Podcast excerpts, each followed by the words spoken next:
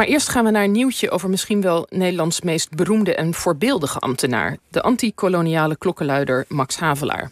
Want wat blijkt, de aardsvijand van Max Havelaar, de hypocriete Hollandse koopman Batavus Droogstoppel, blijkt gemodelleerd naar een echt bestaand persoon. Tenminste, dat denkt Neerlandicus Reinier Salverda te hebben ontdekt. Reinier, welkom. En, en fris nog eerst eventjes ons geheugen op. Wie is deze fictieve droogstoppel? Uh, een droogstoppel is de hoofdpersoon en verteller van de beroemde roman uh, Max Havelaar of de koffieveilingen van de Nederlandse Handelmaatschappij van uh, Multatuli. En die is verschenen in 1860 en ging over de grootste bank van Nederland, de Nederlandse Handelmaatschappij. En Droogstoppel is in dat verhaal een koffiemakelaar in Amsterdam, die de Amsterdamse verhalen in dat boek voor zijn rekening neemt. Ja, ja, en het is, een, het is ook bijna een eigen leven gaan leiden, hè? Dat, dat begrip droogstoppel. Oh ja, absoluut. Je kunt het uh, nu nog in de uh, omgang uh, gebruiken om mensen mee te karakteriseren. Dus het is een groot type geworden.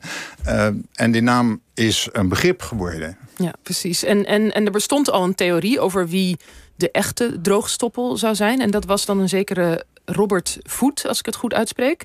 Uh, of fouten? Ehm, ja. dat is interessant. Uh, het is een Franse naam, want het is een Franse familie die in 1740, een huurgenoot handelsfamilie, die in 1740 in Amsterdam een grote handel in koloniale waren heeft opgezet. en het spreekt dus vanzelf eigenlijk dat je het op zijn Frans uitspreekt. Voet. net zoals Regoe en Hoeben en dergelijke namen. Maar ik heb het, moet ik eerlijk bekennen, in mijn leven nooit anders gehoord dan fouten. Maar het moet natuurlijk eigenlijk voeten zijn. Oké, maar dus, dus daar was al een Robert of een Robert Voeten... waarvan we dachten, nou, dat, dat moet die droogstoppel zijn geweest? Ja, 100 jaar na het verschijnen van uh, de Max Havelaar in 1860... heeft een multituliaan, Pieter Spicht, in 1960 onderzoek gedaan.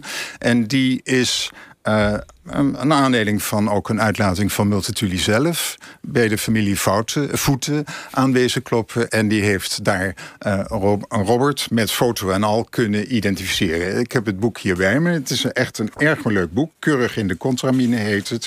En dat gaat over het portret van Droogstoppel. Het is één bladzij lang. En met de foto is het in de tijd bij Atheneum gepubliceerd. Dus een gerenommeerde uitgeverij. En iedereen heeft dat altijd geaccepteerd. Maar... Tot dat ene meneer ontdekte dat het anders zit. En die meneer zit voor ons.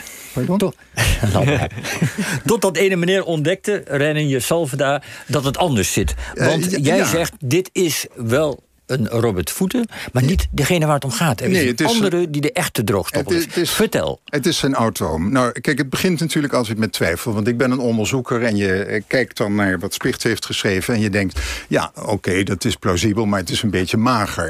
Het is één citaat van Multatuli, maar er zijn er meerdere. Het is één uitspraak van de familie uh, Voeten. En uh, wat is daar eigenlijk verder voor archiefonderzoek gedaan? En zijn er misschien ook andere kandidaten de revue gepasseerd? Uh, nou, geen vertel geen van drieën. Maar uh, dus dan ga je zoeken. En ik heb dus uh, bronnen ge, ge, gehanteerd van Multatuli, van de familie Voeten en van de omvangrijke Multatuli-literatuur. En op een gegeven moment dacht ik, nou, er zal toch na Pieter Spicht nog wel eens iemand naar gekeken hebben de afgelopen 60 jaar. Wel, nee, helemaal niet.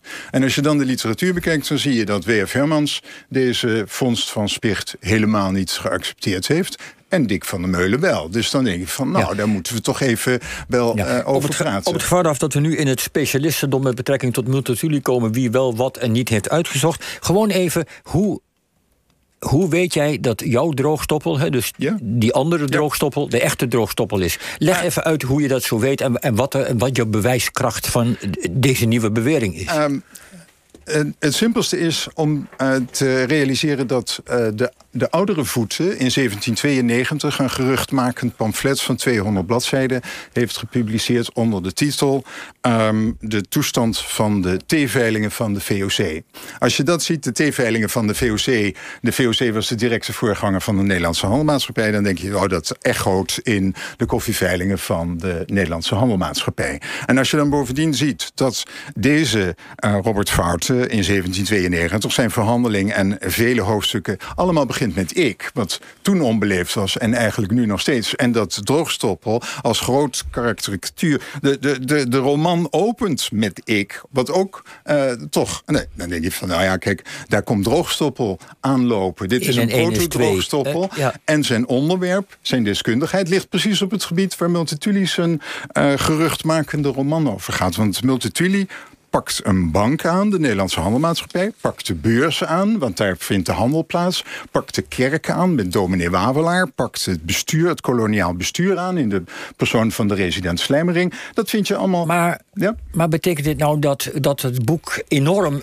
inflateert in waarde daalt. Want hij heeft gewoon overgeschreven van de echte droogstoppel. Het is, het is nee, nee, nee, nee, niks meer aan... helemaal niet overgeschreven. Nou, hoe zit het dan? En een droogstoppel is een volstrekt unieke creatie van Multatuli. Maar uh, ook een genie heeft een aanleiding nodig. En die vond hij in wat hij gelezen had bij die oudere uh, uh, voeten. Want die was in een pamflettenstrijd gewikkeld met Vremerie. En daar heb je dus de, de, het stramien van de Max Havelaar...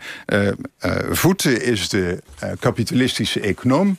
Fremerie was een dichter, ook een theemakelaar. Maar die twee die botsen met elkaar. En uh, Fremerie gaat hem ook met gedichten te lijf. Dat is een, een, een stramine in, dat ook in de Max Havelaar voorkomt. Dat is een conflict over de waarheid tussen een makelaar met zijn koffiewaarheid en zijn handelswaarheid tegen een dichter met zijn poëtische waarheid en zijn hogere waarheid. Ja. Dus Multatuli heeft zijn stof gevonden, heeft zijn aandeling gevonden, maar heeft het zelf gemaakt. En dat is ook zijn theorie geweest: een dichter schept niks, zegt hij. Hij voegt samen wat hij uit de werkelijkheid aangerecht. Dus het is een, een, een, niet een schrijver die de dingen overschrijft, maar het is een, uh, iemand die een compilatietechniek uh, hanteert die werkelijk grandioos is. Ja, dus jij zegt eigenlijk juist zijn kracht, het, misschien het, het, het, het datgene vinden van po poëtische waarde in de werkelijkheid. Ja. Dat blijkt hier weer eens mooi uit. Dat hij juist ook in die bepaalde robbervoeten en die pamflettenstrijd van lang geleden, dat hij daarin heeft gevonden. Ja. Precies. Ook, ook een genie als ja. Multatuli uh, gebruikt dingen uit de werkelijkheid. En natuurlijk vertelt hij ons dat niet. En dat is dus ook de sport voor onderzoekers om dat uit te zoeken. Dus het thema van intertextualiteit in die roman is werkelijk cruciaal. Ik heb een Poolse collega, Jerzy Koch. In, uh, en die heeft twintig jaar geleden een schitterend artikel geschreven... onder de titel Heeft Silvio Pellico ook meegeschreven aan de Max Havelaar? En inderdaad, hij toont aan... Nou, niemand heeft ooit van Silvio Pellico gehoord... maar een beroemde Italiaanse schrijver die Multatuli gelezen had... en gebruikt in zijn boek. En hem ook laat vertellen en schrijven in zijn boek. Dus Multatuli was een gewoon zeer enorm belezen iemand... en gebruikt van heinde en ver... Alle, iedereen mag meedoen om die roman nog uh, interessanter te maken. En dat gebeurt dus hier de hoofdpersoon, de lachwekkende droogstoppel... die komt al in 1792 de wereld uh, binnenmarcheren... maar nog niet de literatuur. Dat doet Multatuli. Die neemt een zakenman en die laat hij praten als een zakenman...